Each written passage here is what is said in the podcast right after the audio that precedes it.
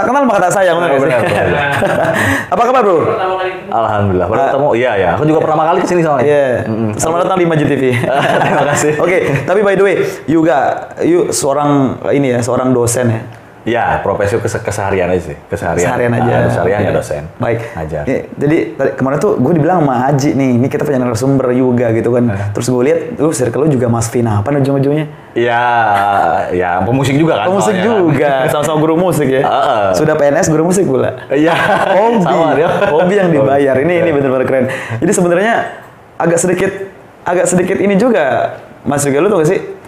Agak sedikit apa ya senang juga ya kenapa jadi kalau sudah PNS terus itu di bidangnya ya awalnya kan eh, PNS kan ah, kalau aku sih PNS baru kemarin. Oh, Baru- Baru iya. sebenarnya tahun, tahun 2020 lah. 2020 tepatnya dapat wah, SKS. syukur semangat semangat selamat ya luar biasa terus terus Ya sebelumnya emang eh, ngeband, wow anak band lah gitu. anak band ya Nah, ini agak-agak kontradiktif menurut hidupku sendiri sih. Iya, ya. iya. Aku sekarang PNS itu di kampus eh, basicnya Islamik. Is UIN UIN. Nah, Universitas Islam negeri negeri aku tuh ngerasa sedangkan masa lalu gue kan maksudnya eh, kehidupan sehari-hari gue kan ngeband gitu Iya, bener, bener, Eh, bener. itu cukup cukup ngejablay di berbagai genre Iya, lah iya, gitu betul Mau sekali. death metal mau Ah, ah, garap tuh semua genre ya? Heeh. pas di Bandung tuh gitu jadi Iya. pas masuk UIN tuh kok aku ngerasa drukiah terus gitu gitu lu lu UIN ya Heeh. UIN agama basicnya berarti ya agama Islam Loh, banget Islamic Sedangkan dalam musik itu sebenarnya musik ini kan sebenarnya lagi diperdebatkan di dalam Iya. forum agama ya kan. Iya. Ini antara haram apa tidak. Heeh. Iya Itu kan? kan selalu jadi mencuat Selalu jadi iya selalu topik kan dan ini hangat sekali buat para para pemuda yang baru hijrah. Iya. Jangan gitu ya, dosen-dosennya yang udah senior aja, Iya. pas tahu ada, "Eh, kamu do- dosen baru? Iya. Dosen apa? Dosen musik. Ada ya? Dia bilang gitu. Dia masih terheran. Ya Pak, nanti saya ngajar kosidah. Saya bilang gitu. ya masih masih apa debat tebal i- lah. itu dia Mas. Artinya kan gue penasaran nih gitu loh. Bagaimana lu menyikapi sedangkan lu tuh berada di uh, kampus yang basicnya agama gitu kan. Heeh. Eh, lu gue gue gue mau tanya dulu nih. UIN tuh moderat nggak sih? Moderat. Moderat. banget. Moderat banget. Moderat Jadi dia dia memang punya kemenag eh, Oke, betul, di betul, betul. UIN kan. Oke. Kemenag itu dia memang udah punya slogan sekarang itu dia lagi menggembor-gemborkan soal moderasi beragama. Moderasi betul sekali. Ah, dia. tidak terlalu miring kiri, tidak terlalu miring kanan. Ah, moderat ya. moderat, Ya, ya. Tidak terlalu ekstrem. Tapi gini, pasti UIN itu yang gue lihat ya banyak tuh mahasiswa mahasiswa bercadar gitu mahasiswinya sorry bukan yang cowok mahasiswanya bercadar gitu ya rata-rata ya rata-rata. itu nggak jadi kontradiktif lah gitu Enggak juga sih. Serius? Juga. Mereka tuh meskipun bercadar, ya aku juga sebenarnya awal-awal, aduh anjir, apa, gimana ya? Apa gua harus ber- bermula dengan assalamualaikum, bismillah, dengan macam-macam gitu. Tapi ternyata enggak juga. Mereka Nggak juga, open, enjoy aja, open gitu ya. juga, Iya, enjoy tapi aja. makanya kan banyak sebenarnya, apalagi di kalangan uh, pemuda-pemuda yang baru hijrah gitu kan, Iya. tiba-tiba dapat kajian musik haram, gitar Ah. dipatahin, Iya, gitar iya, iya. digantung, dijual gitu kan. Kenapa bro berhenti main gitar? Haram. Iya benar-benar. Aku aku punya temanku temanku ya maksudnya temanku juga gitu. Iya. Nah, dia kuliah sama-sama barengan sampai lulus kita barengan. Ya musik main musik ngeband Iya. barengan. Sekarang kemudian dia memilih hijrah dan ya itu pilihan dia juga sih ya. Cuman ya eh, yang kami sesalkan dengan di teman-temannya itu ya dia kemudian membid'ahkan yang lain. Oh, nah itu iya. yang, yang Nah, ini yang seru banget. Dia pi- pilihan dia sendiri sih ya. Benar okay, sekali. ya. Nah itu itu itu dia mas juga. Gue tuh akhirnya concern concern sama hal perkara-perkara itu. Ini kan Hmm. kita bahas agama ya. Woi Himaji people nih kena kena kena siraman rohani. deh. tapi tapi serius, kita bicara musik. Aku tuh suka banget sama musik. Ah. Eh, apalagi pertama denger eh, siapa yang You Rise Me Up? Josh Groban. Jadi ingat nggak sih dulu masih zaman gue kecil nih ada reality show itu di TV itu bagi-bagi uang kaget gitu kan. Terus dapat ibu tuh dapat uang, terus muncul lagunya You Raise Me Up. Oh, itu bikin merinding ya, Betul. apalagi ada visualnya kayak gitu. Dari situ aku tuh suka banget sama musik. Da- dari dengar suara Josh Groban gitu loh. Ya kan nah tiba-tiba sampai sa- sampai ke arah sini sampai aku tahu bahwa ada yang mengharamkan musik mas. Eh, Wah itu kaget, sontak kaget gitu. Iya. Setelah dibuka-buka, apa yang buat musik ini haram gitu kan? iya kan? Nah, Iya. Sebelum kita bedah ke sana mas, karena ini kan awam agama ya. Hmm. Eh, dari lu sendiri, bagaimana lu menyikapi soal musik yang dikatakan haram oleh beberapa orang dan lu sendiri berada di kampus Islam, which is Eh. eh, bla bla bla bla. Oh, oke. Anjir agak panjang sih sebenarnya, nggak apa-apa ya. Nah apa? Eh, aku kalau aku pribadi, eh, aku tentu saja sebenarnya nggak nggak sa- sangat nggak setuju ya di haram-haramin. Kenapa? Karena aku termasuk orang yang katakanlah mengenal agama lebih dalam, justru jalurnya dari musik. Kalau aku nggak kenal musik, mungkin aku nggak bakal kenal agama yang lebih dalam. Oh ya, ceritanya gimana? Jadi menurutku itu eh, apa? Kalau orang misalnya masih lihat permukaan ya, katakanlah Ah, iya. sorry analoginya misalnya S1, S2 gitu kalau Iya, sekolah ya. iya, iya, iya. Kalau orang masih tatapannya satu, aku ingat banget kalau belajar gitar itu ini C, ini D gitu kan. iya, iya. Posisinya kayak gini. Nah, kalau orang lain ternyata main gitarnya kidal, yang umum tuh nyalahin. Oh, Oh. kayak gitu sih. Salah lo tekniknya lo. Kayak gitu Iya, kan. benar, benar. Karena mereka masih lihat permukaan kan. Betul sekali. Nah, tapi kalau orang udah mulai paham, oh nih C ini ternyata bermakna dia gembira, C itu maknanya untuk kehidupan begini, begini, begini. Dia udah nggak lagi mikirin hal kayak gitu. Nah, sebetulnya sama dengan eh, hal-hal teknis yang bagiku di, misalnya di Muslim ya, ibadah-ibadah. Kan kita sering lihat tuh di Muslim itu sudah terjadi perdebatan, perdebatan gitu ya. Ada orang muter-muter, ada Iya. orang macam-macam lah gitu. iya bener kan? Eh, kenyataannya kayak gitu gitu kan. Nah, kalau misalnya orang masih dangkal, menurutku ya, kalau misalnya orang masih dangkal lihat permukaan, dia nggak mau mengkaji lebih dalam gitu ya. Dia kalau cuma per- lihat permukaan, kok lu gitu sih ya? Iya, Perdebatan. betul. Muncul Nah. perdebatan. Ah. Padahal itu masalah furuk padahal. Itu kan masalah permukaan lah maksudku Iya, ya. sekali. Apalah bahasanya mungkin kalau di Iya, iya, iya. syariat lah, Cabang Bang. agama lah. Ah, lah Iya. gitu. Nah, kalau sedangkan aku udah aku udah melewati banyak hal di dunia musik Hmm. gitu karena aku eh mungkin sejak dalam kandungan toh sebelum dibuat kebetulan bapak ibuku juga memang pemain musik Oh, ya? tapi pemusik tradisional Asik, Eh, ya. Hmm. jadi kami sukunya suku Sunda mereka main musik suku Sunda main musik Sunda gitu jadi aku dalam kandungan aku ibuku ya pengamen eh, sinden gitu nyanyi di nikahan gitu aku digendong dan lain-lain ya nggak mungkin aku bisa ngelepasin musik yang udah ada dalam Benar, benar. diriku gitu sudah lah. dalam benak berarti ya. Heeh, sudah sudah bisa. sudah sudah jadi DNA lah ibaratnya. jadi wow, itu, itu Eh, menarik. belum lagi aku ke- kemudian eh, setelah eh, kuliah gitu ya, kemudian rajin eh, sering baca dan lain sebagainya tuh, baru aku semakin terbuka lah. Anjir, Hmm. Iya, iya. Kalau secara spirit dan lain sebagainya itu, dunia ini emang dibentuk sama musik dan warna. Iya benar benar benar. Lu matahari berputar aja emang nggak menghasilkan gelombang frekuensi Iya, betul. berbunyi Iya, gitu kan betul, iya. jadi diri kita ya juga udah musik lah Iya. setiap orang udah musik gitu Betul, betul, betul. ke sini lagi udah kajian macam-macam lah ternyata fungsinya untuk terapi frekuensi untuk otak. Betul, gitu. betul, betul. jadi manfaatnya udah banyak banget Betul betul. Selain juga untuk afirmasi diri bisa juga Iya, ya. Banyak banget lah pokoknya. Tapi gini mas, gue kadang-kadang berpikir begini. Yang tadi lu bahas sama gue C itu ada Iya, ada filosofinya, ada, ah, ah, maknanya, ah, ah. kegembiraan. Sumpah ini gue baru tahu loh. Eh, iya jadi Berarti setiap nada itu ada filosofi berbeda ya. sangat sangat jadi eh, bunyi itu kan dia frekuensi ya Betul. kalau di fisika ya akustik ilmu akustik lah ya Iya. otak itu ternyata katanya eh, dia dia punya gelombang frekuensi misalnya kalau kita ngantuk itu menghasilkan gelombang frekuensi sekian Iya iya iya. Kalau kita semangat sekian, kita Oke. ngobrol kayak gini adrenalin terpacu sekian. Nah, kalau kita lagi ngantuk, dengerin satu musik yang memang menstimulus eh, frekuensi yang bikin kita semangat, kita menjadi semangat Ah iya gitu. benar, ngaruh juga. Ngaruh banget gitu. Iya, iya, iya. Nah, makanya sekarang dipakai jadi terapi macam Ah itu udah benar mulai benar muncul benar. tuh ilmu benar benar benar. gitu. Makanya gue kadang ngerasa begini, gue tuh akan akan merasa gue itu di suatu tempat yang gue sering denger lagu itu. Contoh di Jakarta gue sering denger lagunya Van Wi Aryang misalnya. Kok- Kalau gue denger lagu itu di Labuan Bajo, gue berasa di Jakarta. gitu. Ah. Kayak ada stimulan stimulus kayak begitu. Memori gitu kan? Memorinya ah, iya benar. benar-benar. Terus kalau gue lagi kerja misalnya denger lagu Milo malah nggak semangat. Ah. Kalau denger-denger yang R&B dikit, ya kasih jazz dikit, ya lebih chill gitu kan. Kalau jazz kan chill banget ya. Iya, iya. Oke oke oke iya. Aduh banyak fakta menarik yang Iya. bi- eh, bisa aku jelasin soal musik gitu. Nah itu dia muncul akhirnya orang-orang yang datang eh, baru baru sorry kita bukan merendahkan ya bukan ya. Hmm. Muncul orang-orang yang baru hijrah ya kan sebulan dua bulan terus tiba-tiba mengharamkan musik. Hmm, Ini masalah nggak buat lo sebenarnya? Kalau buat aku pribadi sih nggak masalah, selama dia nggak musik aku ya. Bener bener aku bener. termasuk orang yang agak bodoh amat sih. Bodo sebenarnya amat ya, gitu. bodo amat bener-bener. Dia Iya. Itu pilihannya dia juga. Iya, ya iya. sorry, ya aku uh, memang ha- harus uh, harus ngomong belak belakan. Ya emang bener dangkal. Iya. Karena dia nggak mau iya. mengkaji lebih dalam. Betul. Sebenarnya kan begini. Kalau ya, pernah dengar kajian dari siapa satu itu ya? Dari eh, banyak lah pokoknya ya referensi kajiannya yang mengatakan seperti ini. Musik itu kalau diharamkan semuanya, ya termasuk azan haram dong. Karena Iya kan azan tuh kan ada. Iya. Bener ya? Ngaji. iya, ada ada nadanya Iya kan, musik Iya. gitu. Bunyi ya. Iya kan.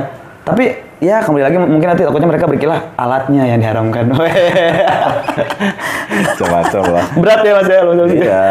Ada satu yang menarik juga yang aku alami Hmm. itu. Eh, jadi aku nemuin soal air. eh, judul bukunya itu air itu hidup ya, The Power Iya. of Water gitu ya. Wih. Kemudian aku nemu itu di Darut Tauhid di pesantrennya Agim. Karena waktu itu kan kuliah di Bandung. Iya iya iya. Nah, jadi aku pernah main ke sana terus nemu buku itu. Terus kenapa kok buku buku penelitian soal air Iya. kok ada di Darut Tauhid gitu Iya, di, betul. di Agim.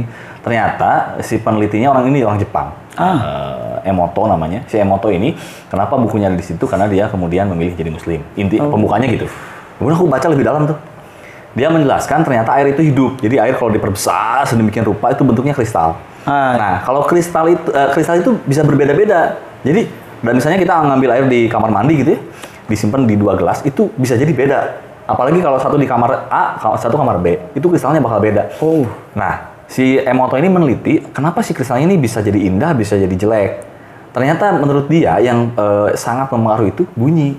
Oh. Jadi gilanya tuh di buku itu dijelasin kalau misalnya eh, kita nyimpen air, terus kita puji dia, kamu emang baik nih, kamu oh, soleh, bagus deh kristalnya. Wah. Tapi kalau kita maki-maki, Sundai lu apa gitu. Iya, iya, iya, iya. Jelek kristalnya. Berarti ada energi yang disalurkan berarti di Aku ngerti. Waktu aku kecil ya, Iya. aku inget banget kalau misalnya sakit kan di kampung kan kayak gitu. Minta air ustad. Iya bener. Aku kecil kan jijik. Relate, relate bro, relate bro. Iya, iya. Terus diludahi gitu. Diudahin kan jijik kan waktu kecil kan. Ternyata sebetulnya bukan masalah dia yang atau enggak, tapi dia berdoa. Jangan gitu. Ah, bener sekali. Ya Tuhan, begini-begini masuk ya energinya ke dalam air, jadi kristalnya jadi bagus. Itu udah terbukti, udah ada Iya, iya. penelitiannya. Apalagi kalau bacaan Al-Quran ya. Hah? Apalagi kalau dikasih bacaan Al-Quran ya. Itulah penyebab dia kemudian masuk eh, memilih satu Al-Quran. Karena dia bacakan semua kitab ya. Dia baca semua kitab. Menurut dia semua kitab itu ternyata membuat si eh, kristal air itu indah sekali. Wah, bisa jadi kalau orang-orang ngaji terus taruh air gitu kan, Ah. dia memberikan energi positif ke air itu, Ah. ya kan? Bisa jadi itu ada kandungan apa yang diciptakan yang dihasilkan, Ah. sehingga ketika kita minum tuh bisa memberikan efek secara ilmiah gitu. Ah, makanya itulah oh aku baru ngerti itu kenapa air jam-jam tuh kok bisa kayak gitu Wah, lagi. ber- Kan iya. setiap hari orang ibadah di situ kan ya. Wah, luar biasa. Ini nih, ini. Dan ini. medianya apa coba? Ya, Apa? bunyi. Bunyi ya bener ya. Gitu. Dia Suara takbir, Iya, iya, kan, bunyi. suara suara suara azan, Heeh. suara Al-Qur'an di situ ya. Heeh. Makanya kalau di jalan, aku jadi gara-gara buka juga itu ke jalan, saya kesenggol dikit, kita nyumpah gitu ya. Iya. Nyumpah ya, misalnya gitu ya. Kita tuh meneriakan suatu cacian ke orang lain, yang 90% orang itu air kali isinya kan. Air itu juga air kan banyak. Wah, wah, wah, wah. Ini ini gue belajar spiritual dari Mas juga. That's good. That- sorry Mas, gue pribadi menganggap sorry mungkin karena teman dekat aja ya. Kita tuh kayak itu sebenarnya panggilan sayang buat temen gitu kayak Ah. goblok, anjing gitu. Oh, itu Tapi menurutku gini, Iya. itu juga sebenarnya eh, berpengaruh dari memang apa eh, energi itu kan menurutku iya. ya hasil dari eh, niat kita di dalam. Iya, benar, benar, benar. Jadi sebenarnya aku bilang ke eh, orang lain memang dengan panggilan, tapi dengan tidak diniatkan itu untuk cacian. betul enggak. Enggak enggak enggak enggak ya. Iya, enggak. Enggak ya. Ah, sumpret lu. Eh, kalau Enggak. kalau sama temen yang sudah tahu gitu Ya. ya, betul. Dan dia nggak keberatan gitu. ya. Heeh. Long dia tidak keberatan. Iya. Aku jadi semacam oh memang isi sebenarnya bukan cuma airnya yang hidup, jadi energi dari niat energi orang bener, itu bener, gitu. bener. Lo gue gue gue pribadi masuk gue tuh percaya satu hukum yang disebut dengan the law of attraction. Love of attraction ya. Ya, gue percaya hukum itu sejak umur 19 tahun lah kurang lebih. Hmm, 19, 20 ya begitu tahu apa yang lu ucapin tuh akan kembali ke lu sendiri, apa yang lu pikirin akan kejadian gitu kan. hmm, benar, benar. Ya dari situ gue suka menghayal. oh iya, terus hubungannya dengan musik apa? Gue gue selalu menggunakan musik sebagai stimu- stimulan untuk pikiran gue gitu loh. Karena gue percaya nada itu berpengaruh dalam untuk untuk frekuensi pikiran gue. Jadi kayak eh, gue buktikan satu gue lagi stres gitu Ah. kan. Lagu itu bisa menentukan mood gue bagus apa enggak. Iya benar, benar. Serius. Ah, ah. Jadi kalau denger lagu galau misalnya kayak lagu-lagu instrumen galau kayak eh, kayak gitar koi misalnya, Nah. itu otomatis pasti sedih. Iya. kan? Kalau denger-denger lagu-lagu dari siapa namanya yang pria Dayak gitu kan main suling. Ah. Iya siapa namanya itu? Eh, itu jadi semangat membara gitu. Iya iya iya. Nah itu karena memang karena kita juga mungkin punya pengalaman-pengalaman tertentu yang kemudian Iya. kalau kita dengar sesuatu kita mengingat sesuatu. Sebenarnya orang lain, eh, setiap orang pasti Iya. beda pengaruhnya ya. Ada orang yang dengerin death metal, "Ah, lagu apa Iya, sih? iya, bener. Tapi ada juga orang yang seneng kan, anjir enak Iya, banget nih kan. bener. Energinya up banget nih gitu. Heeh. Gue jadi gue dengerin lagu ini jadi kok keren banget gue gitu. Heeh. Berasa semangat gitu. ya. Eh, nah di Lombok ini aku nemu yang menarik nih. Eh, di Lombok Timur ada Hmm. namanya musik kebangruan, Ih, musik kesurupan. ini baru denger sumpah. Jadi aku, aku memang sering nemu ya kalau di Pulau Jawa itu kalau misalnya habis ritual musik tradisi itu kan rata-rata gitu ya. Kalau misalnya udah habis panen, ayo kita pesta pora, syukuran, kemudian mereka main musik, musik tradisi. Mereka tuh biasanya eh, ya katakanlah orang-orang pinternya itu dia selain mengundang manusia, dia katanya mengundang makhluk-makhluk. Wow. Nah, aku kan aku sering lihat loh oh, di musik tradisi itu orang kesurupan, joget-joget gitu Iya ya. iya iya main-main. bener. Iya iya kalau itu sering cuma di Lombok Timur nih. Nah, di Lombok Timur aku nemu itu kebalik polanya. Dia kesurupan dulu. Eh? Nah, orang kayak kesurupan ini di Rukiah malah bunuh diri. Ih, Jadi dia cuma bisa sembuh sama musik. aduh. Jadi dia kalau eh, kesurupan pingsan, jadi maksudnya kesurupannya beda, nggak kayak kesurupan "Rrr, Iya. aing mau enggak sih enggak. Cuma dia coba kemudian pingsan, kemudian dia akan bergumam, tolong panggilkan, panggilkan papu siapa? Papu Iya. itu tuh ya main musik. Oh, oke. Jadi dia nanti akan minta aku mau menari tiga hari tiga malam, tujuh hari tujuh malam. Diadakanlah gelar main musik dan lain sebagainya. Dia Oh. sembuh dia. Wih.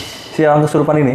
Wow, itu itu kandungan mistisnya gede banget berarti ya? Eh, nah, orang kan eh, pertama pasti berpikir, wah ini mistis ini Iya, benar. eh, apa dunia apa hal-hal yang gaib dan lain sebagainya. Nah, aku sebagai katakanlah memang aku juga mencintai musik dan di satu sisi juga profesiku adalah men- menuntut aku untuk eh, berpikir secara saintis lah gitu ya. Iya.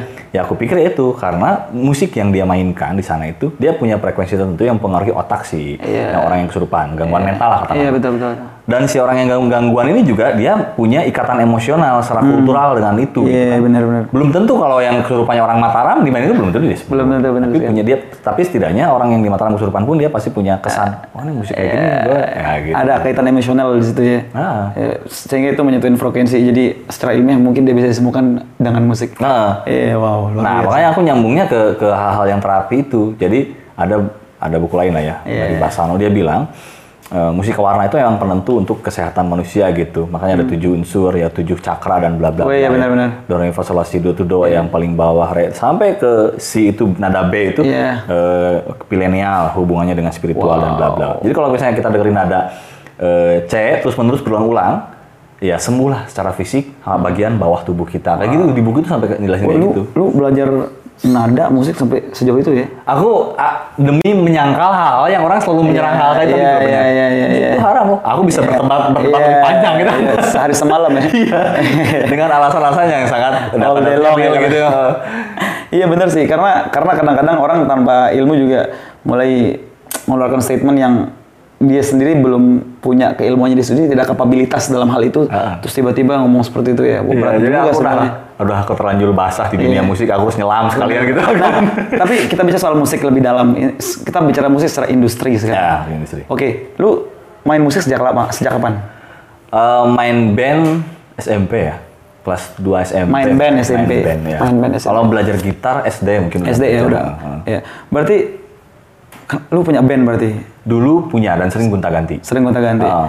Oke kan kalau kita melihat nih banyak band-band dulu yang sangat-sangat eh, bisa dikatakan dapat hati di masyarakat Lombok ya. Seperti Daun Band, ingat sih? Oke, ah. Daun Band ya kan tahun berapa tuh? SD gue itu SD SMP ya. 2000-an lah ya, 90-an lah kali ya. Iya, dua pokoknya 2000-an ke atas 2000-an lah ya. ya. Di bawah 2010 intinya. 2005 Daun Band ya. 2005. Bidadari. Bawah. Poci nih, Poci fans. Eh, eh, lu kenal orangnya.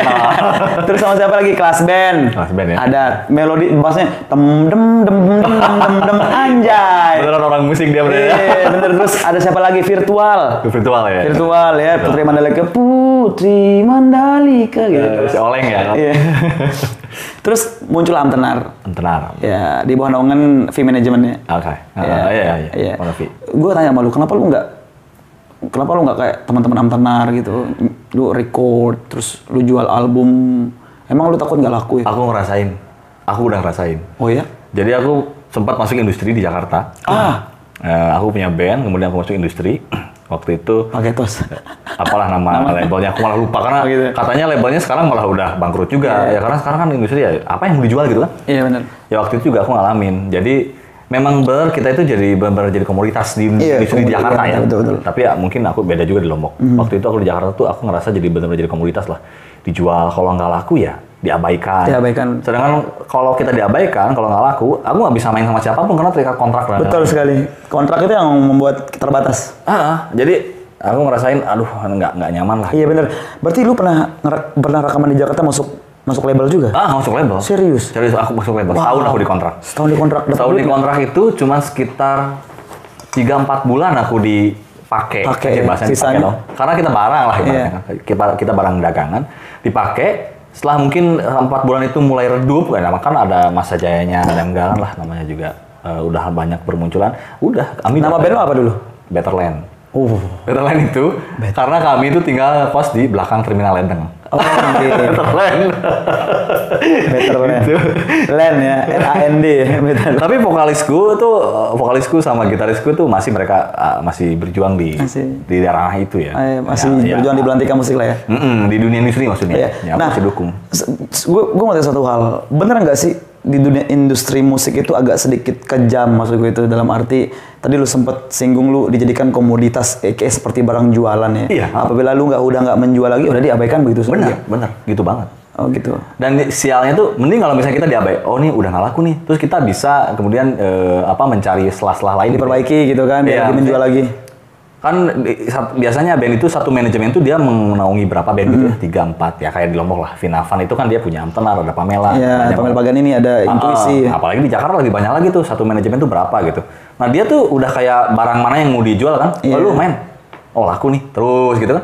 Tapi udah mau redup, udah redup nih, coba. Turunin ganti rolling. Nah yang dia ganti ini kan dia simpen tuh. Ah benar. Band Better Land-nya disimpan. Nah sialnya kita kan nggak bisa mencari manajemen lain, nggak bisa mencari event sendiri. Dan lu nggak bisa ngapa-ngapain. Nggak bisa ngapa-ngapain. Iya, di kontrak kan ada terikat tuh. Heeh. Se- Selama lu nggak dipakai, lu nggak boleh. Ah, ah, bener. Kontraknya per KTP lagi kan? Kalau kontrak band nggak serah lagi. per KTP anjir sial banget ya. Gitu. Berat juga berarti ya. Makanya makanya Igor bilang sama gue begini, Igor.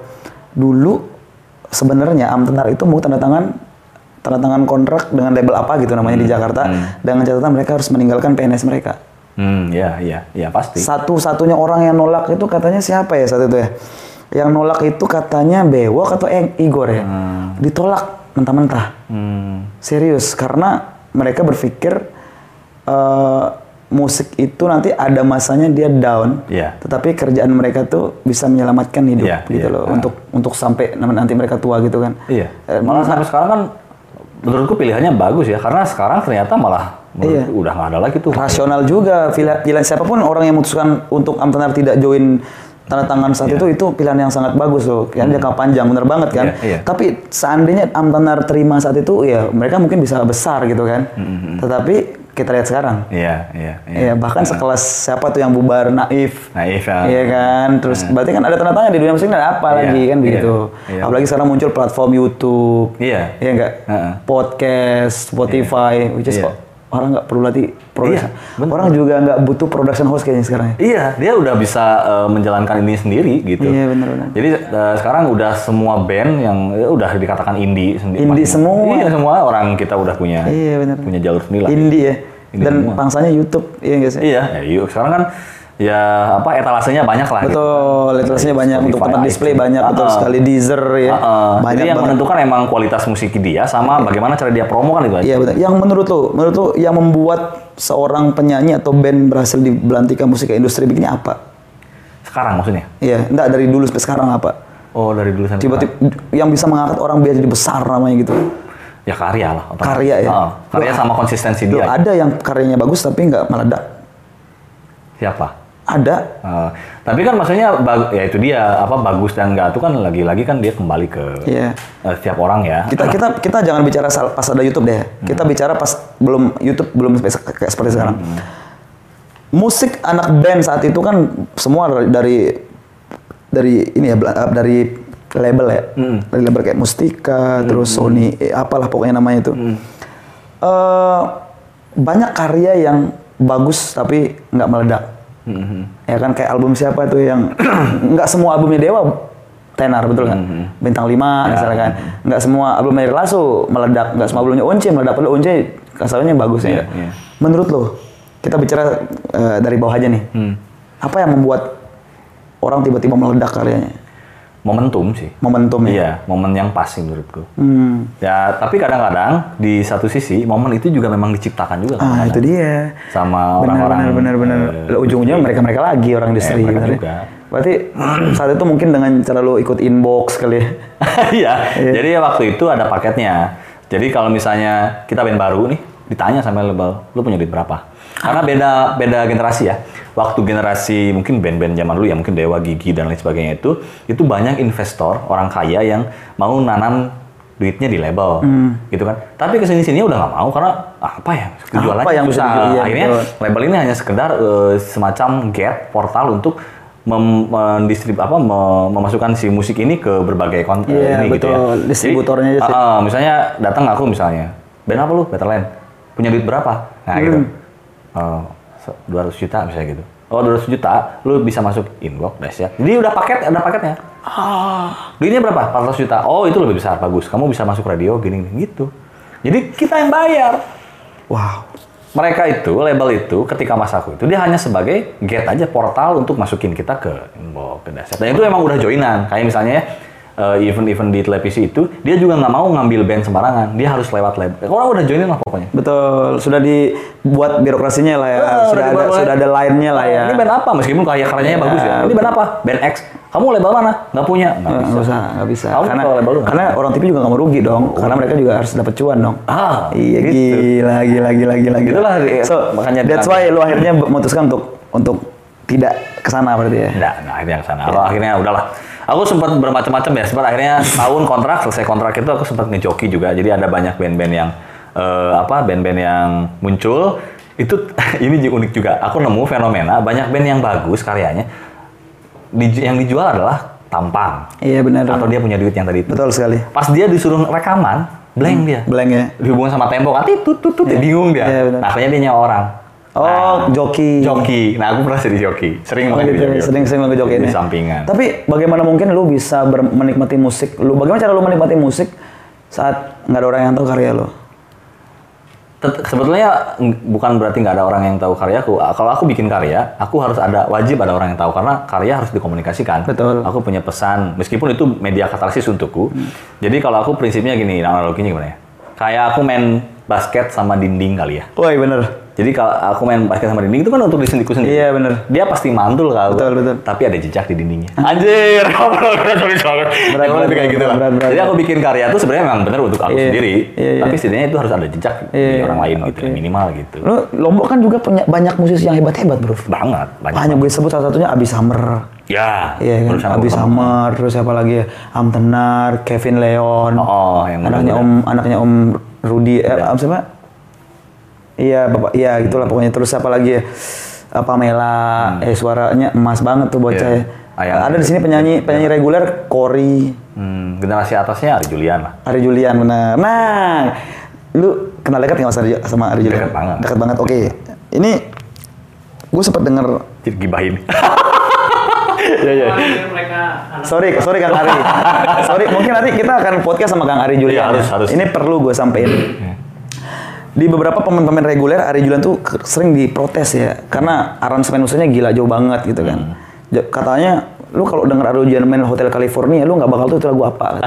Bener, lu nggak bakal tahu. Nah, oke, gue mau tanya satu hal. Emang nggak boleh pengaransemen lagu baru, eh lagu orang menjadi dengan nada berbeda? Ya nggak ada aturan boleh atau Nggak ada sih. aturan Nggak kan? Ada, ya boleh-boleh aja. Problemnya berarti di mana? Ya di penontonnya aja sih. Oke. oh mungkin para fans gitu ya. Iya sih. Kan uh, namanya uh, dia juga kan itu dia kan di, di dunia apalah di dunia ngamen lah. Lagi. Kan ngamen.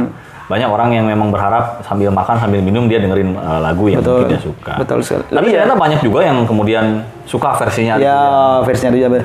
Makanya gue bilang, gue tanya sama teman gue yang komen kayak begitu, emang salahnya di mana bro? Gue bilang gitu kan. Loh, coba deh lu denger. Nah, pada saat itu gue kebetulan kenal sama salah seorang pemegang kafe di Lombok, Mas Agus. Eh, yang di ini loh, kopi, jam kopi, gem kopi. Game oh ya, oke. Yang dimentingkan, ada juga yang di situ. Iya. Bener, bener. Ah. Gue sampai nggak tanda tuh lagu. Tapi which is good dia pakai benjo, Ah, ah, iya kan? ah, benjo. Di di countryin gitu. Ah. Wah itu that's good man. Iya, iya. Nggak ada salahnya gitu. Asal kita menikmati why not gitu kan? Iya, iya. Bener nggak? Iya, dia tuh dia tuh uh, kan biasanya kalau uh, pengamen ya termasuk aku juga nggak terlalu di dunia ngamen nggak terlalu ya. Karena biasanya orang musik pemain musik di dunia ngamen tuh aku harus disuruh ngulik, ngulik bener gitu barnya sekian. Iya, bener. harus Dia kaset banget ya. Heeh. Ah lu ngapain lu dengerin CD aja? aja, Nah, bener, kan. bener. Nah, Ari Julian tuh enggak. Iya. Ya, aku belajar dari dia juga ya nggak harus kayak gitulah dia main Iya. apa karakternya dari sendiri juga. Tapi aku suka dari Ari, Jul- Ari Julian itu adalah dia walaupun nggak ada pengunjung dia tetap main bro. Nah itu juga ah kurang ajarnya Ari Julian ya. Kurang dia, ajar. Kurang ajar lah dia tuh.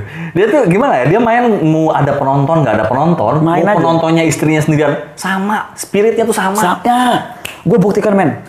Gue kan nge-MC bro. Heeh. Gue nge-MC. Gue tuh kalau nge-MC terus eh, crowdnya nggak dapet, gue down dong. Eh, benar. benar. Tapi sebisa mungkin gue atas itu biar nggak kelihatan kacang banget, Eh, bener, tetap bener. profesional. Eh. Tapi sejujurnya down man. Eh, Eh, lu ya, ngemsiin yang hadir cuma bocil-bocil usia 6 tahun. Mati, mati kutu nggak sih? Iya kan? Nah, Ap- Ari Julian saat itu gue di acara yang sama. Malam tahun baru, yang datang cuma anaknya si bosnya doang. Hmm, hmm. gue satu frame sama dia satu. Demi. Dan tetap kan, maksudnya Dan energinya tetap tetap main. berubah. Iya. Sumpah, itu keren sih. Ari Julian terus podcast.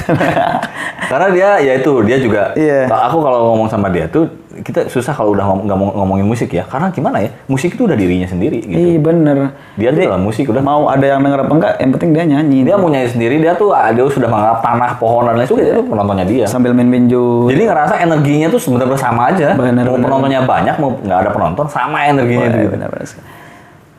Lu main daerah Senggi nggak sih? Sering-sering kenalan anak pemain musik Senggi nggak? Nggak terlalu sih. Nggak terlalu ya. Nggak terlalu. Berarti lu asli mana sih sebenarnya? Aku kan aslinya Jawa Barat sebetulnya. cuman Oke. sini. Oke, lu asli originnya Jawa Barat. Iya. Oh, pantes. Tas Tasik Malaya namanya. Tasik Malayanya, we, Sunda pisan. Masa sih lokal tuh kelihatannya? iya, Sunda pisan Iya, logatnya. iya. Jadi orang teh malu. Tapi lu sampai tinggal di Lombok, alasannya apa? Kerjaan. Oh, cuma karena kerjaan. Nah, waktu itu kan aku, aku kuliah S1, kemudian aku lanjut di Jawa Tengah S2.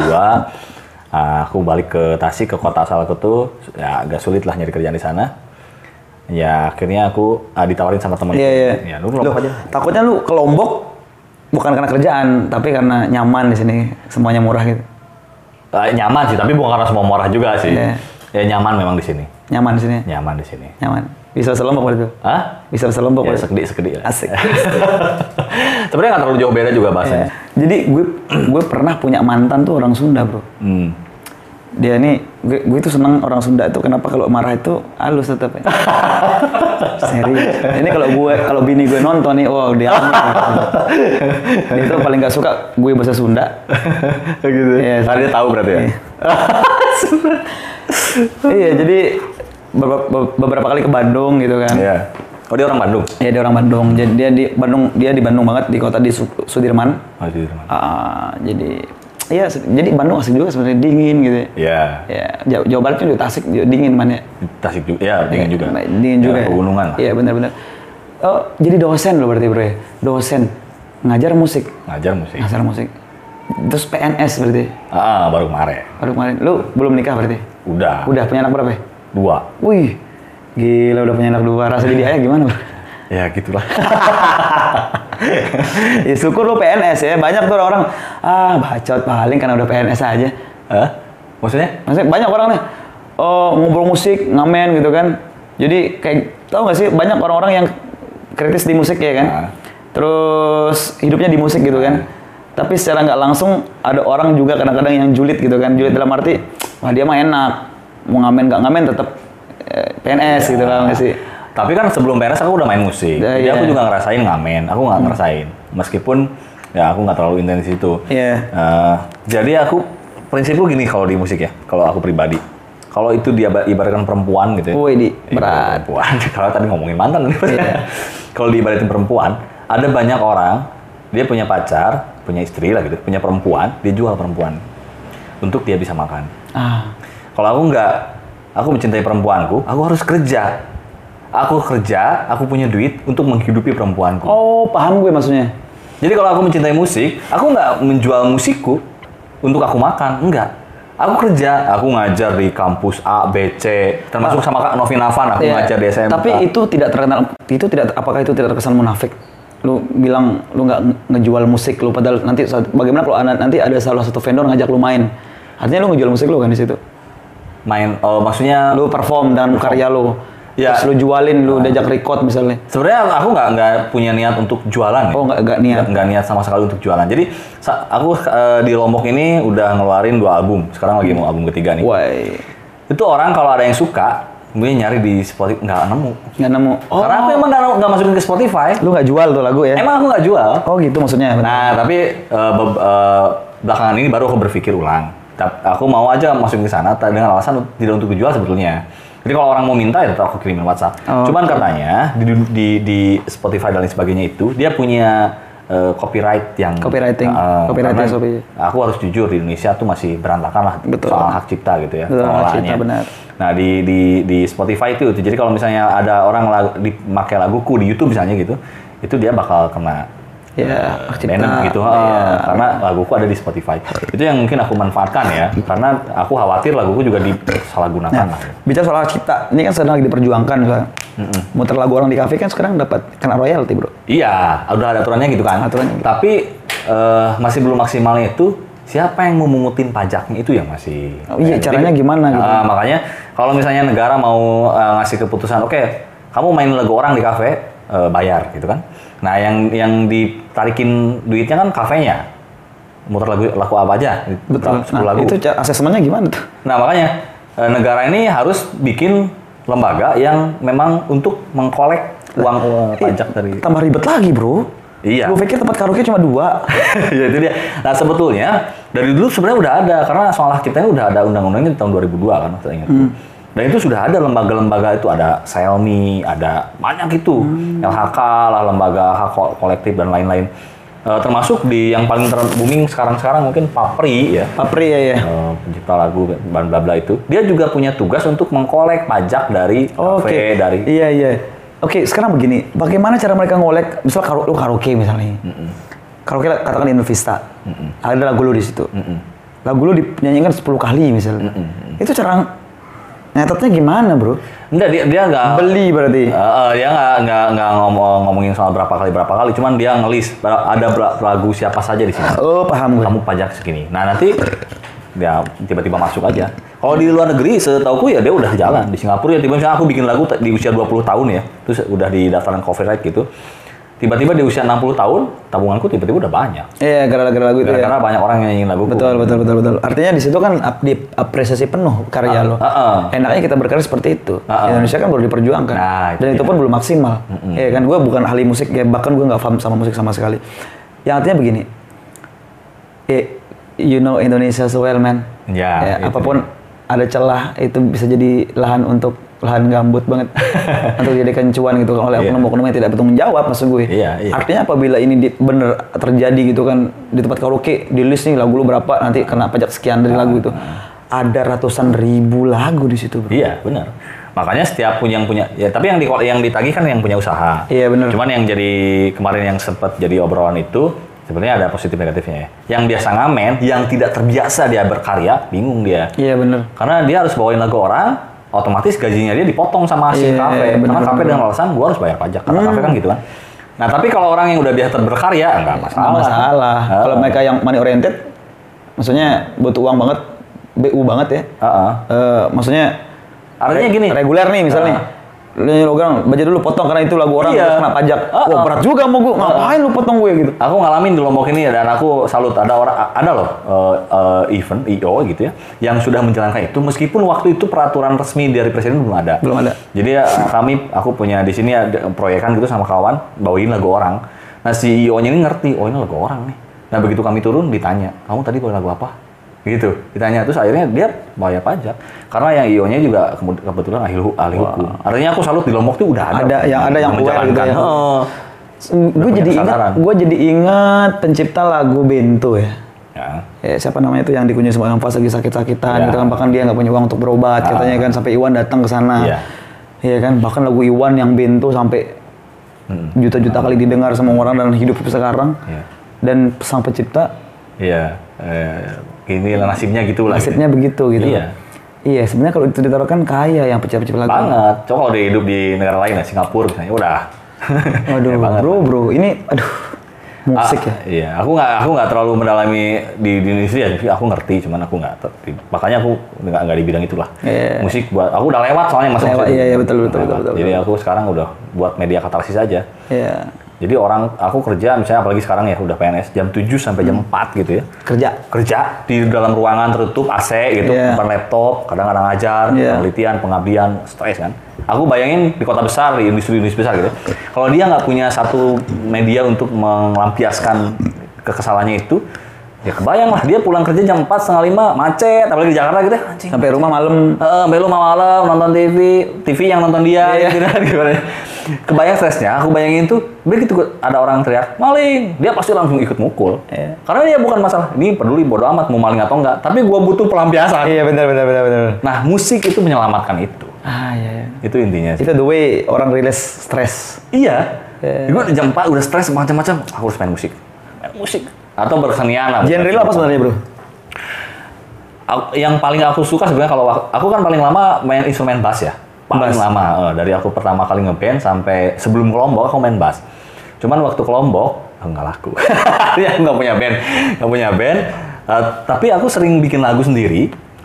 Nah aku pikir, aduh ini sayang nih kalau nggak ada yang nyanyiin gitu. Waktu aku punya band ya bandku yang nyanyiin. Tapi sekarang, aduh sayang. Akhirnya aku mau maksain lah nyanyi ya aku nggak aku nggak biasa nyanyi sebelumnya ya nggak mau lah satu dua lama-lama tujuh lagu sealbum nah tapi karena sesuai dengan kemampuanku aku pengen sebenarnya aku paling suka genre Iya. yang keras rock Oh oke. Nah, makanya aku lebih merambah ke hal metal gitu ya. heavy heavy gitu ya. Eh, eh, rock pokoknya aku nggak aku nggak terlalu ini aku nggak terlalu bisa mainin apa jazz itu aku nggak Ya. terlalu bisa Pemain bass yang menginfluence lo bermain bass siapa? Yang ada ada ada gu- eh, tapi dia bukan orang terkenal lah. Ah. dia guru basku. Oke. sebenarnya awalnya kejebak juga ya. Aku tuh dikursusin gitar sebenarnya sama ibuku kan. Kayaknya kamu memang berminat coba kamu kursus gitar. Nah si guru gitarnya tuh nggak pernah datang nah itu yang suka ada tuh ya guru bass Dah kamu daripada sama dia, ak- kamu nggak belajar sama aku aja, kamu bayar ke aku gitu. Bass. Ini alat musik apa kok cuma empat sebenarnya? bass kan bahkan ada yang senar 12 juga bass. Ada, waktu itu kan nggak booming, yang umum kan empat lah. Yang empat. Ah, musik apa nih kok gitar besar ukurannya terus cuma empat terus dia Berat lagi. oh, oh dia main slide kan anjing keren banget Slap. oh saya bener oh ini gantilah ini aja gitu Eh, kalau aku jujur aku suka Flair. Flea ya Ya, Red, Aku Red Red Hot, Peppers. ya. Dia tuh nyentrik. Terus energik banget di panggungnya. ya aku sering mainin juga yang cukup sering waktu itu waktu zaman zaman muda yang paling agak-agak ini keren lah kalau mainin itu Dream Theater Dream Theater. oh Dream Theater. Yuk, influence musik punk gak sih? pang apa fang Punk. pang ya Punk. pang ya suka juga Suka juga ya? suka juga tapi kalau aku mainin kalau pang ya ke ke sini ke- agak kesinian lah udah melodic pang Eh, gitu. nggak nggak pang yang murni waktu itu Iya iya iya betul betul. Makanya dulu tuh aku tuh aku tuh heran ya. Aku tuh pengen banget bisa satu alat musik secara permanen, paham gak sih? Tapi nggak bisa bro. Sumpah. Main keyboard bisa cuma kunci apa gitu. Paham Ya, gak sih? nggak apa-apa, ya itu musik Iya. tetep kan. Terus main gitar nggak sampai bisa main melodi gitu, nggak ngerti tangga, tangga nada, paham gak sih? Bisa genjreng bisa A B C D E, minor, minor mayor, crash. Cuma nggak ahli banget gitu, paham gak sih? nggak apa-apa Main drum coba bisa dusta dusta dusta. aku di UIN itu ngajar jurusan PIAUD pendidikan Islam anak usia dini Hmm.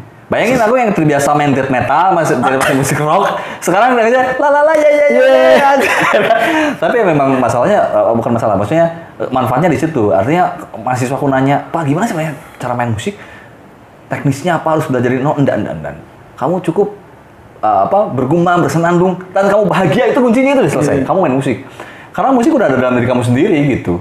Dia frekuensi bunyi, eh, setiap detak jantung, nafas semuanya itu udah udah Iya musik benar. bagiku gitu. Jantung. Heeh, kamu tinggal meniakan itu menjadi musik, selesai itu jadi musik. di- seperti dikatakan kan bass itu kan ibunya musik sebenarnya. Ibunya gitu ya. Kalau Iya. tanpa bass semuanya hambar. Ya. Benar gak sih? Iya, karena dia Iya. memang apa hakim garis lah kalau dia. iya benar sekali. Iya, ya. kalau Loh, dia. berarti kalau bisa main bass harus bisa main gitar dong? Enggak harus. Enggak harus sih. Ih, kok bisa? Nah, bass itu karena dia satu nada satu nada. Ah iya benar. Hmm. C- ya, kalau gitar kan akor. Akord ya. Jadi orang salah kunci, bukan kunci, akor. Anjir, ahli musik banget. Kalau kunci kan jadi lupa-lupa kuncinya. Nah, lagu kuburan itu salah total. Dia harus berhadapan dengan juga kan. Kunci itu cuma ada tiga, kunci F, kunci G, kunci eh, C. Nah, kalau akor Apa apa apa? Kunci bass. Ku- bukan, yang disebut kunci di musik itu cuma ada tiga. Kunci G yang gambarnya kayak gitu tuh. Oh, paham gue. Nah, itu kunci namanya tuh. Oh, itu kunci. Itu namanya kunci tuh. Jadi orang yang kayak huruf dan gitu. Ah, ah. Ah. Kalau di Indonesia disebut kunci itu yang C A minor. Ah, ya D minor ke G. Itu akor namanya. Itu bukan kunci. Akord namanya. Hmm. Chord apa akord? Ya bahasa Inggrisnya chord lah. Chord, ya. Di Indonesia akor. Nah kalau akor ya itu C minor, A minor gitu. ya. Oh, gitu. Nah kalau gitar kan dia C minor, A minor gitu. D minor. Kalau bass enggak. Kalau dia eh, satu nada satu nada. C G. Kalau akor kan misalnya C mayor nih. C mayor itu dia dibentuk dari tiga nada. Hmm. nada C, nada E, nada G. Jreng, C mayor, kayak gitu. Weh, gila. Tapi kalau bass enggak, cuma satu aja C, gitu. Oh gitu. Dia sebenarnya nggak harus. Loh, bagaimana kalau kuncinya E misalnya? Sama. Yang, perpaduan tadi apa E minor ya? Uh-uh. E minor itu perpaduan dari C. Akor akor E minor. A- akor E minor, Akor E minor itu E, G, B. Oke, kalau bass ketemunya di mana berarti itu? Di E-nya dong. Di E-nya berarti. Atau bass malah lebihannya bisa di tiga-tiganya. Oh, gitu. Jadi kalau main gitar jreng E minor, main bass eh main bass bisa di E, bisa di G. Harusnya lu bawa bass tadi. gitu ya. Gue bawa gitar. kita kita nyanyiin lagunya Snow Hay. Nih Red Hot Chili Peppers. Oh, Hmm, ten- Nah gitu. Asik tuh. ya. Oh, bisa. Makanya aku tadi tanya nih podcast cuma ngomong doang nih. Iya, ya. harusnya bawa gitar. Ah, Nanti di si sesi Ari Ari. Julian kan. Nah, itu Gimana? masih banyak yang mau di Nah, podcast. saya Arjunan harus, lu, lu pas Arjunan datang, lu datang juga. Oh, iya. Kita jamming. bisa, bisa, bisa. Bisa. Ini omongan kita kerat banget ya, Majibel. Tapi yang jelas, gue serius. Kalau lu mau tahu nih orang seperti apa, lu langsung aja cek DM Instagramnya di bawah sini ya. Jadi, eh, lu bisa bertanya lebih dalam soal musik sama dia. Lu bisa berarti ya diajak sharing soal musik ya? Sangat terbuka. Aku seneng banget diskusi. Seneng Oh, banget. ngomongin apa pun ya. Iya. Ya, Termasuk saja. soal bidah musik. aku sih aku seneng juga. Aku uh, terbuka kok mau ngomongin apa doang. aku udah biasa kok orang bilang kamu haram dan Iya. sebagainya. Nggak peduli ya. Makanya gue kadang-kadang bertanya nih orang-orang kok kesema kayak Abi Summer ya. Malam ini kayaknya dia main di Rota Kopi kayaknya. Ya tadi aku sore, tadi sore aku ketemu dia. Iya. Eh, dengan suara semewah itu, Bro. keren Iya dia. kan? Dia Dengan suara semewah itu. Waduh, gue pernah lihat dia nyanyi di Gili Air, Bro. Hmm. Itu tamu-tamunya dia duduk di beanbags pinggir pasir, Bro. Hmm. Itu nyanyi sama-sama tahu lagu apa? Lagu Andeca ingat tuh. Andeca. Andeca itu dia kasih nada akhirnya itu seriosa gitu. Oh. Terus, Iya, oh gila itu dia bener-bener please audience banget gila. Iya, iya. Sampai sampai tippingnya gede banget ya. Iya, terus tinggi lagi suaranya. Aku tadi ketemu dia sore. Dia nyanyi juga di Ion Cafe itu. Kayaknya Dion ya. Dia nyanyi. Anjing banget. Bi, keren. Kok bisa kayak gitu? Iya. Suaranya sih. Waduh, memang teknik nyanyinya keren pisan, eh. Ah, ah, ah. ya itu dia. Dia dia ah, apa? Dia sudah apa ya? Dia sudah menyatu. Betul. Musik dengan dirinya itu dia sudah menyatu. Ya, makanya gue kadang-kadang ngeri sama orang kayak Abi gini ya. Ini lagi uang di barat, man. Iya kan. Tapi gue nggak tahu alasannya Abi apa setelah dia ikut eh, eh, idola eh, pencarian bakat seperti itu ya kan. Which is kalau seandainya dia mau lebih all in lagi kan sebenarnya bisa all out maksud gue. Iya, iya, iya. Sebenarnya kan dia bisa tuh. Tapi itu itu sebenarnya tanda tanya buat gue sebenarnya. Untuk sekelas Abi dengan karakter vokal seperti itu yang cukup membuat orang bergidik gitu kan. Nggak bisa lanjut lagi di sana di kota besar, bro. Hmm. Iya kan. Gue gue bingung apakah jurinya kurang kompeten atau ini by request ya. Ya, entah juga ya. Entah juga ya. Iya, Gue gak masuk uzon sebenarnya. Tapi yang jelas he is a good ya. Iya, iya, he's- aku- aku mau he's akui. really great. Makanya kalau Bini gue paling suka tuh lagunya Abi Summer tuh. Hmm, Bini gue paling suka. Makanya pas iya Briliana kemarin tuh pas di Rota sampai minta Mas Abi nyanyiin dong, eh, lagi hamil nih. Iya iya iya besok lu harus bawain gue Ari Julian ya. Hari Julian ya? Iya, bawa sini kita datang Ini sama podcast ini nanti aku share ke dia. Iya, samaan datang pokoknya. Kita jamming di sini. Oke, boleh, Ya, bawa gitar, gitar bass ya, sama benjo lah. Dia tadi udah udah ngechat ini, ulah lagi dia, dia, dia lagi gaming juga di komunitasku, jadi aku bangun komunitas sama dia. Di mana komunitasnya? Di Meninting. Jadi aku sama Ari Julian tuh eh, bikin komunitas Oh. namanya RKM di sana. Jadi malam ini dia ngadain eh, gelaran acara namanya Sunday Santai. Sunday Santai. Itu open mic gitulah, siapa pun boleh nyanyi, siapa pun boleh baca puisi, apa pun di sana. Wah, ya gitu. asik. Anak-anak seni banget sana berarti. Ah, ah, oh dia udah eh, di grup udah rame nih, Wah, mana ini lah gitu. Ntar dulu nih ada Eh, lebih kirim penting salam lah. buat, kirim salam buat Kang Ari ya. Iya, Gue tunggu kita podcast ini. Itu luar biasa sih. Ini gue nggak sabar banget ngobrol sama dia. Apalagi rambut panjang itu bikin wow, semakin otentik musiknya itu ada di dia banget itu. Nah, ya itu saranku eh, suruh dia harus dia harus nyanyi di Iya. di, di Imaji. Benar-benar. Karena ya kadang-kadang aku lebih merasa energi dia tuh nyampe ketika dia nyanyi. Kalau Oh, kalau ngobrol aku lebih banyak debat sama dia. Oke, bro, satu lagi terakhir segmen terakhir ini, lu kasih ini deh, kasih apa ya sama anak-anak muda nih, Imaji People nih. Kalau mereka ingin bermusik itu harus seperti gimana mulainya, bla bla. bla. Nah, ya menurutku itu tadi ya, aku sempat ngobrol di awal bahwa eh, apa pun yang pilihan kalian itu ya, musiknya mau apa pun, yang apa kalian suka, yang penting kalian bahagia gitu ya. Tapi itu please lah, cintai prosesnya, jangan instan gitu. Itu aja sebenarnya, karena eh, proses itu yang menjadikan karakter kita, Wow. kehidupan gitu kan. Iya luar biasa. iya, kalau kita nggak mau berproses tiba-tiba ini ya instan ya instan juga nanti jadi orang ya instan ya terkenal instan ya mati juga instan Wah, iya. biasanya gitu Betul sekali. jadi ya aku pak pesan gue itu kalau orang-orang di apalagi di sini ya anak muda tuh karena sekarang medianya banyak saya pengen gitar tiba-tiba lihat YouTube langsung pengen- betul. langsung langsung bisa gitu. Oh, oh. Chris Brian kan YouTube, eh, Ya, juga gue internasional. Jadi kosong. Artinya maksud gue tuh jiwanya tuh ya kosong lah. Dia cuma jago sih tapi nggak ada. Nggak, nggak- esensinya nggak dapet. Nah, Ya. Sedangkan kalau kalian berproses itu, kalau kita berproses itu jadi karakter kita. Iya. Nah, jadi setelah jadi karakter, ya kita adalah apa yang kita dengar. Oh iya benar sekali. Gitu. karena proses nggak pernah hianati hasil ya. Heeh. Weh, luar Tahu biasa. proses, proses bikin anak.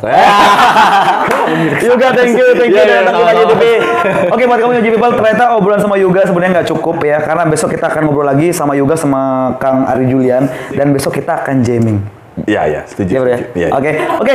Buat lu semua Imagine People jangan lupa uh, follow juga uh, Instagramnya juga di sini ya. Langsung follow ya karena lu banyak dapat insight soal musik dan banyak hal tentang musik dari doi ya. Karena doi juga dosen dan ngajar musik juga, which is circle-nya dia ini orang-orang musik. Ah. Dan itu benar-benar luar biasa buat kalian yang mau gabung komunitas LKM juga ya. RKM ya? Ya, RKM Pak LKM? RKM. RKM itu bisa banget. Langsung aja DM langsung Kang Yoga di sini. Dan buat kalian semua, thank you banget sudah support Imaji TV. Terima kasih banget buat kalian semua. Don't forget to like, comment, and subscribe. Gue Rizal the Sky.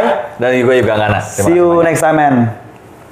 Bye-bye. Terima kasih sudah menonton video ini. Jangan lupa tekan tombol subscribe untuk menunjukkan dukungan kamu terhadap channel ini.